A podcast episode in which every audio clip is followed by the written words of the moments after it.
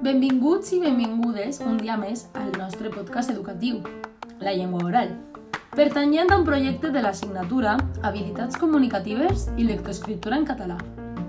Jo sóc Paula Gómez García i avui vos presentaré l'episodi 3 del nostre podcast, Factors que intervenen en l'aprenentatge de la segona llengua.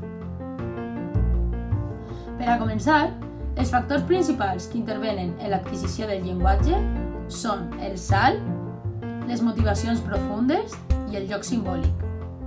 A més, també intervenen altres factors que aquestes són les més influents en l'aprenentatge de la segona llengua, en el nostre cas, el català. Aquestes són l'input, l'output i les característiques personals.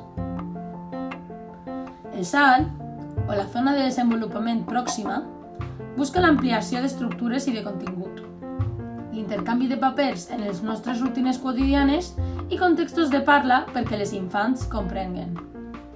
Les motivacions profundes tenen com a objectiu fer que la persona ingressa en la cultura. Normalment, és fet per això una activitat conjunta com posar en comú i negociar el diàleg. El joc és la cultura de la infantesa. És per tant que el joc simbòlic pot servir per l'aprenentatge del llenguatge, ja que és semblant a aquest mateix per la seva estructura profunda i també superficial. El joc pot ser variable, sistemàtic i transactiu, assignant i intercanviant rols. A més, afavoreixen l'extractivitat, superant així el context. Com ja he dit, d'altra banda, tenim factors d'influència en l'aprenentatge de la segona llengua. L'input aquest representa quantitat i qualitat. És el bagatge lingüístic que rep un aprenent en la segona llengua a partir del qual pot seleccionar, extraure regles i crear un nou llenguatge que anirà incorporant al seu sistema d'interllengua.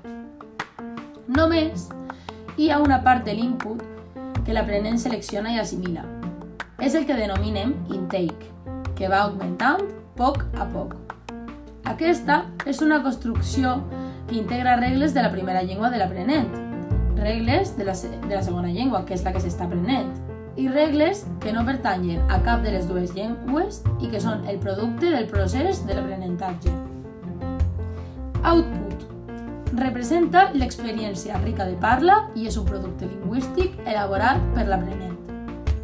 I les característiques personals, que són l'edat, aptitud, motivació, actituds, personalitat i l'ús d'estratègies. Com més siga el teu interès i més desenrotllades tingues aquestes característiques, més senzill serà per a tu aprendre una nova llengua. Fins així l'episodi d'avui. Esperem que vos hagi resultat interessant i que hagueu pogut ampliar els vostres coneixements sobre la llengua oral. Gràcies per compartir amb nosaltres aquest espai. I vos esperem la pròxima setmana. I recordeu, gràcies a conèixer la llengua, es coneix el món.